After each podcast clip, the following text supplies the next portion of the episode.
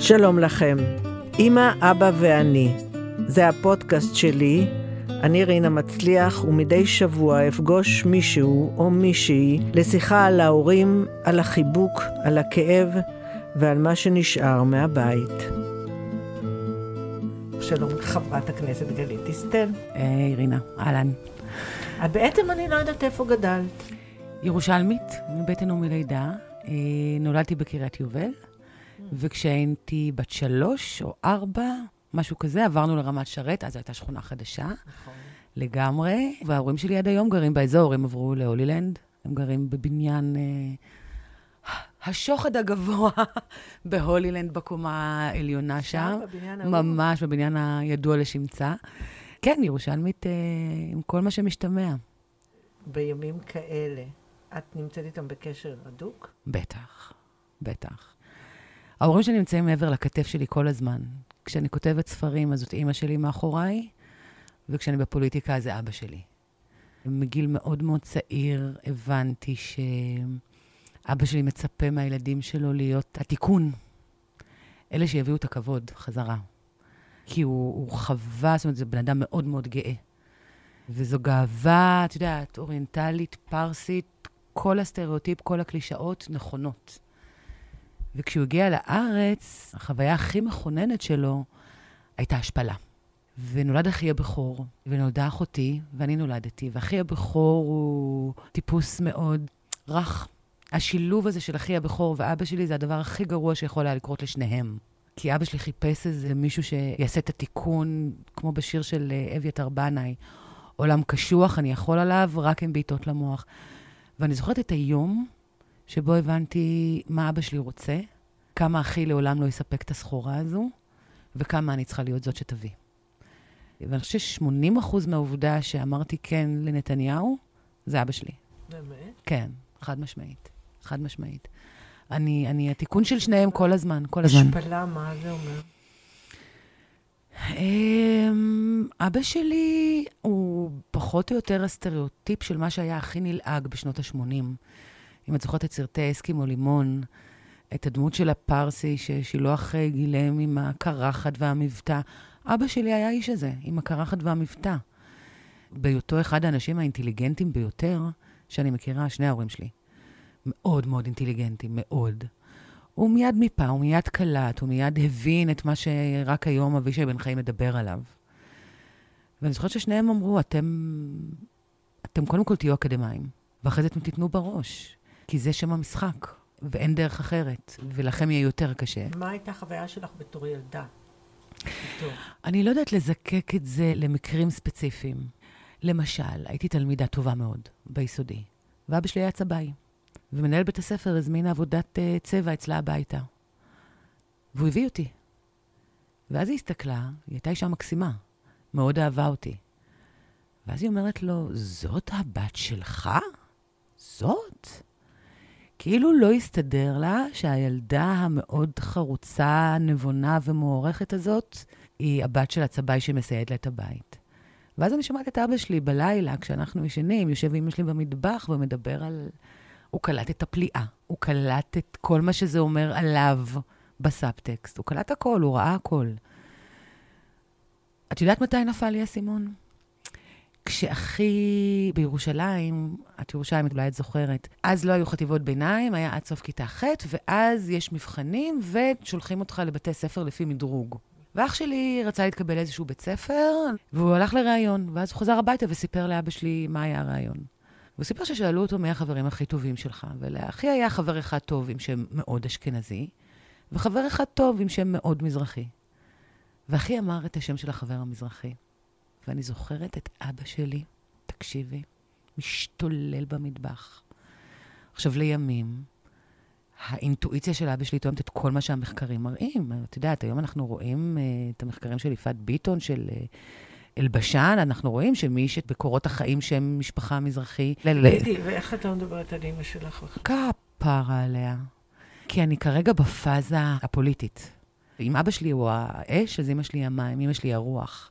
היא מאוד שונה מאבא שלי, מאוד. והם מסתדרים? זה לא מי מנוחות, זה לא חמוד. בגלל זה זה מקסים בעיניי. זאת אומרת, יש פה אישיות חזקה מאוד שלה ושלו. אני כל הזמן אומרת שאמא שלי הייתה נולדת uh, בשנות ה-60 בארצות הברית. היא הייתה היפית פמיניסטית רדיקלית. זו אישה שישבה איתי, כשאני ואחותי ישנו באותו חדר כל יום שבת בבוקר, כשאבא שלי היה הולך לבית כנסת, היא הייתה יושבת לנו על המיטה, מאירה אותנו ומרצה משנה פמיניסטית מטורללת, קיצונית. לא מנוסחת. לא מלימודי מגדר. לא, לא, ולא... אני אומרת, אני קיבלתי מאימא שלי, מסבתא שלי, את הפמיניזם. הטהור. המזוקק שלא צריך ללמוד אותו באוניברסיטה. שהמילים אה, הגשמה עצמית ועוצמה נשית לא... אמא לא. שלי אמרה לי, אם אני הייתי בגילך, אולי גם אני לא הייתי מתחתנת ומביאה לילדים. אנשים לא מאמינים לי, אישה מזרחית, כמובן, מהדור הקודם, הקודם. אז אני אומרת, אני לא הייתי צריכה ללכת ללמוד למגדר, אני אגב שונאת את המילה הזאת. בואי, פמיניזם ושוויון זה לא כזה אקדמית, זה כמו שאתה נושם, ככה אתה נותן שוויון בין המינים. אז היא הייתה יושבת, והמשפטים שיצאו לה מהפה, היום אני נזכרת וזה, אני צובטת את עצמי. את יודעת שהיא האישה הראשונה שאמרה אלוהימה? היום זה נורא נורא אין ונורא מעודכן לומר, אלוהימה, זה לא אלוהים.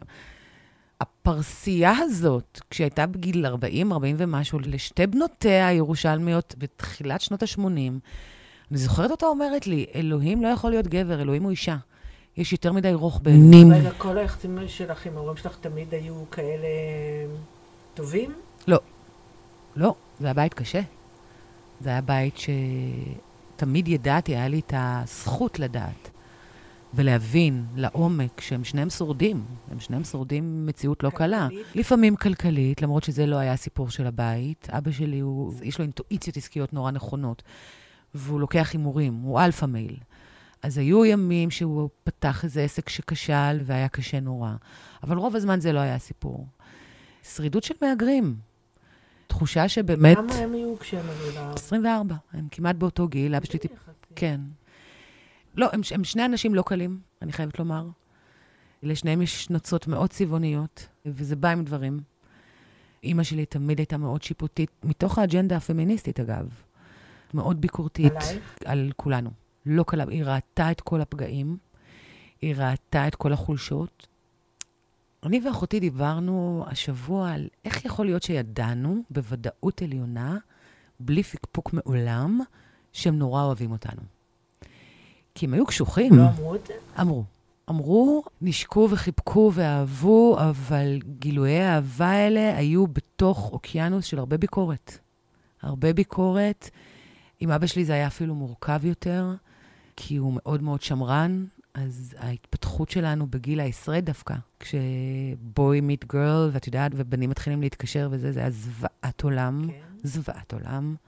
בושות מכף רגל ועד ראש. חיינו באמת, אימת הפדיחה, אם זה היה בן שמתקשר מהכיתה עם נתק. בן. בוודאי, בפרצוף. זה היה כזה, את צריכה להתחתן בגיל גג 20, אבל אסור שיהיה לך חבר. כזה. היום הוא בן אדם אחר לגמרי, אני רואה איך הוא עם הבת שלי, כאילו, מדרבן אותה לגור עם החבר שלה, ואני כל הזמן, איפה היית? איפה היית? אבל כן, עברנו עכשיו... לב... ועם האח שלך בטח זה היה אחרת. אח שלי, אה, מה שהוא עבר בא מכיוון אחר לגמרי. תהיה אלפא, תהיה חזק, תביא, תהיה עם ביטחון עצמי, גבר. תהיה גבר. והוא באמת בן אדם הרבה יותר עדין. מבריק בטירוף, אבל עדין. אני אומרת לך, אני שכפלתי, אני עשיתי פה, אני זוכרת מאוד במודע את היום שבו, כשאבא שלי צורח על אחי, למה אמרת בבית ספר שהחבר הכי טוב שלך הוא מזרחי ולא אשכנזי? יושבת ואומרת לעצמי, אבא, אני אעשה אותך מאושר. עזוב אותו, תניח לו, אני פה. לא אומרת לו את זה, אגב, אומרת לעצמי. את לוקחת את התיק. כן, כן. ולקחתי, לכל דבר שעשיתי, זה או שהיא מאחורי הכתף או שהוא. ומתי הביקורתיות שלהם אה, ירדה? ירדה פלאים מהרגע שהושבעתי לכנסת, אני חייבת לומר. עד אז? כן, כן, כן, כן, כן. שוב, אני אומרת ביקורתיות, והיא לא הייתה קלה, אבל היא העניקה לי המון מודעות עצמית, כי זו לא הייתה ביקורתיות בעלמא, זו לא הייתה ביקורתיות ריקה או שטחית. הם ראו, הם באמת ראו, הם ראו את כל נקודות החולשה של כל אחד ואחד מאיתנו. עדיין, אתה לא מצפה מההורים שדווקא ישבו לך לחולשות. נכון. נכון, נכון, זה לא קל, זה לא קל, אבל uh, זה היה עטוף באהבה. זה היה עטוף, אני אגיד לך במה, בידיעה שאבא שלי ואימא שלי יוציאו לעצמם את הכליה את שתיהן, יעקרו לעצמם, יעשו הכל למען הילדים שלהם. ודאות כזאת. ואגב, בשנים הקשות שלי, כשהייתי זבנית בחנות שלי, ולא סגרתי את החודש, ובדיוק התגרשתי, ושני ילדים, ואחד מהם צריך הרבה כסף. מעולם לא ביקשתי כסף, הם תמיד רצו לתת, אבל בגלל שאני באמת עם כבוד של... אני אבא שלי, נו, מה לעשות? מעולם לא לקחתי כסף, אבל אמא שלי הייתה קמה כל בוקר, לוקחת אוטובוסים למודיעין, עובדת בחנות כדי שאני אוכל לכתוב את הספר, למשל, נוסעת אליי אחרי זה הביתה, ועושה הכול. זאת אומרת, זה היה שני קווים מקבילים, שלפעמים באו בסתירה האחד מול השני. אבל הוודאות שבאמת אני נאהבת, וזו ודאות נורא חשובה. זה תמיד היה שם. אבל לא, אני לא יכולה להגיד, את יודעת, הסטריאוטיפ בית מזרחי, חם, מחבק, אוהב, האמא המזרחית, החמה והזה, אה-אה, לא, לא. גם כתבתי על זה ספר. זאת אומרת, אולי זה הסטריאוטיפ המזרחי הכי חזק, אבל יש הרבה קור בבתים מזרחיים, לא רק חום. לא רק חום. את מחייכת כמו מישהי שלא כן, לא חוותה את זה. כי אה, לא, אצלנו היה הרבה חום, כן. היה הרבה טיח אוהב ורגשי מאוד. רגשי כן. רגשי כן. אה, אבל אני שומעת את זה יותר ויותר, ואז אה, מתבקש לשאול איך אבא שלך הגיב כש... כשהושבעת לכנסת. אוי פפוי, את לא... את לא מבינה מה זה. את באמת לא מבינה מה זה. זה היה, הכל בא בהפתעה מוחלטת. הכל. הייתה לי תוכנית בגלי ישראל, תוכנית רדיו, ובתוכנית, אני עוד אומרת, זה היום האחרון שנתניהו אמור לשריין, ומעלה אנשים ומעלים בורסת ניחושים את מי הוא ישריין, והשם שלי לא עולה לא אצלי ולא אצל המרואיינים. לא הייתי בכלל במאגר השמות, ואיתי לא דיברו. התקשר אליי הראש לשכה שלו איזה חודש לפני פלוס מינוס, ושאל, תגידי, אם, אני לא חושב, אבל אם, את תרצי, יעניין אותך? ואני כזה, ברור לי שלא, אבל כן, בטח, למה לא? כזה. ולא חשבתי על זה אחרי זה דקה. ואז כשנתניהו התקשר אה, ב-12 בלילה, ממש, במאני טיים, שלוש דקות לפני שצריך, אה, ממש. והוא אומר לי, את לא תספרי לאף אחד? ואמרתי לו, לא. והוא אמר לי, גם לא לאבא שלך? ואמרתי לו, לא. לא יודעת, לא יודעת. לא יודעת איך הוא ידע דווקא לשאול עליו. וחיכיתי, חיכיתי כל הלילה, את לא מבינה איזה, מי ישן בלילה הזה בכלל. אבל למחרת בבוקר, הטלפון הראשון שכבר היה מותר לספר, כשעמית סגל כבר, אלוהים יודע מאיפה הוא ידע, אבל ידע, הבן אדם הזה הוא מכשף. מאיפה הוא יודע? הוא מכשף. מאיפה עמית סגל יודע דברים? בואי. את וביבי ידעתם, את לא סיפרת מאיפה הוא יודע. עמית סגל הבטיח לי שהוא יודע את זה לא מביבי. הטלפון הראשון היה לאבא ואימא. זה היה אושר, הנה, זה היה אושר, זה היה... הנה, הפעם באמת, באמת, אני מספקת לכם את הסחורה. וכשאמרתי לאבא שלי, אבא, אני, אני הולכת להיות חברת כנסת, הוא זרק את הטלפון והתחיל לצרוח בקולות כל כך גבוהים. פשוט התחיל לקפוץ בבית. זה היה כזה, אני לא, לא, לא, אני לא, זה היה באמת, כאילו, ואימא שלי, שלא יודעת למה בעלה צורח בשבע בבוקר, התחילה לרוץ ואני שומעת אותה צורחת, תזמינו אמבולנס, תזמינו אמבולנס. היא לא הבינה מה קרה לאבא שלי. ואבא שלי צורח, ופשוט באמת, ואז ששניהם, את יודעת, כל אחד מכירה את זה, שכל אחד מחזיק את הטלפון מהצד השני? הם פשוט התחילו לצחוק, הם לא הצליחו לדבר. הם פשוט צחקו איזה שעה בטלפון. צחוק של אושר. את יודעת, לא, לא רבות הפעמים שאדם צוחק מרוב אושר. זה היה מאוד מרגש, זה היה מאוד מאוד מרגש. ומתי את חושבת אבא שלך ירגיש ש... שזהו, שעשית את זה? היום הוא מרגיש uh, קצת אשם, כי הוא יודע שהוא הדלק, הוא יודע. לא בטוחה שאם הייתי נולדת uh, בקונטקסט אחר, במשפחה אחרת, לא הייתי מעדיפה להיות סופרת פול טיים ג'וב. לא בטוחה בכלל. וכל פעם הוא שואל אותי, גליתי, קשה לך מדי, גליתי, אל תיקחי ללב. גליתי, אל תקשיבי להם. גליתי, את יודעת, כשהוא רואה את המתקפות האלה, קשה לו נורא. כל הזוויות החדות שדיברתי עליהן, את יודעת, זה קורה להרבה אנשים, הפכו לרכות ולמעוגלות, ויש בהם היום הרבה יותר חמלה וקשב ופתיחות וסובלנות. הם אנשים שונים היום לגמרי. הוא מרגיש הקלה, הוא מרגיש פחות פגוע, הוא מרגיש שהוא... Uh...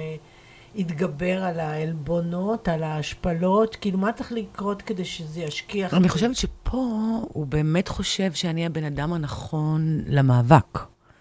זאת אומרת, מעבר לזה שבואי ותוכיחי שמשפחת אטבריאן נותנת בראש, שהשם שלי נמצא בכנסת, את יודעת, אטבריאן לא היה בתעודת זהות שלי. כשהגעתי לכנסת ביקשתי גלית דיסטל אטבריאן. ואמרו לי, אנחנו לא יכולים לרשום שם שהוא לא המדויק. Mm. ונסעתי למשרד הפנים והוספתי את אטבריאן באופן רשמי, כדי לתת לאבא את הכבוד, פשוט כדי לתת לאבא את הכבוד. זה התיקון האישי. מרגש. כן. אבל התיקון הכללי, זאת אומרת, הוא באמת חושב שהמזרחים נמצאים בדיכוי עמוק. זה... אבל אבא שלך מרגיש יותר טוב? אני חושבת שכן. אני חושבת שכן. לי מאוד נוח באורי. אצל אבא שלי זה קטע. אבא שלי הפנים את הדיכוי. כשאבא שלי מדבר והוא כועס, אז זה התימני מהשוק, או המרוקאי מהמכולת, או הפרסי. שימי לב, הפרסי, אבא שלי פרסי. והמון פעמים אנחנו מדברים איתו על זה, והוא אומר, כן, באיזשהו מקום הפכתי לגזען. אני נפנמתי את הדיכוי, הוא מודע לזה מאוד. הוא באמת בן אדם מאוד מודע ומאוד אינטליגנטי. אני רוצה לשאול לך משהו אחר שהוא קצת יותר קשה. את דואגת לזקנה שלהם, לפרידה שאולי מתקרבת? אני לא יכולה, אני לא יכולה לחשוב על זה. רינה, זה מדיר שינה מעיניי. זה... תביא שולחן רגע. אף אחד, אף פעם, לא מת לי. אני לא יודעת מה זה.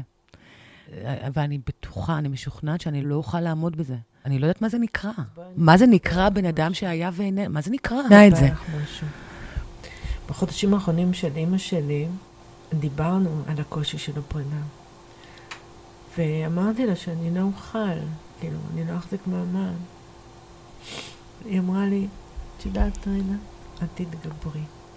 אני מבטיחה לך שאת תתגברי.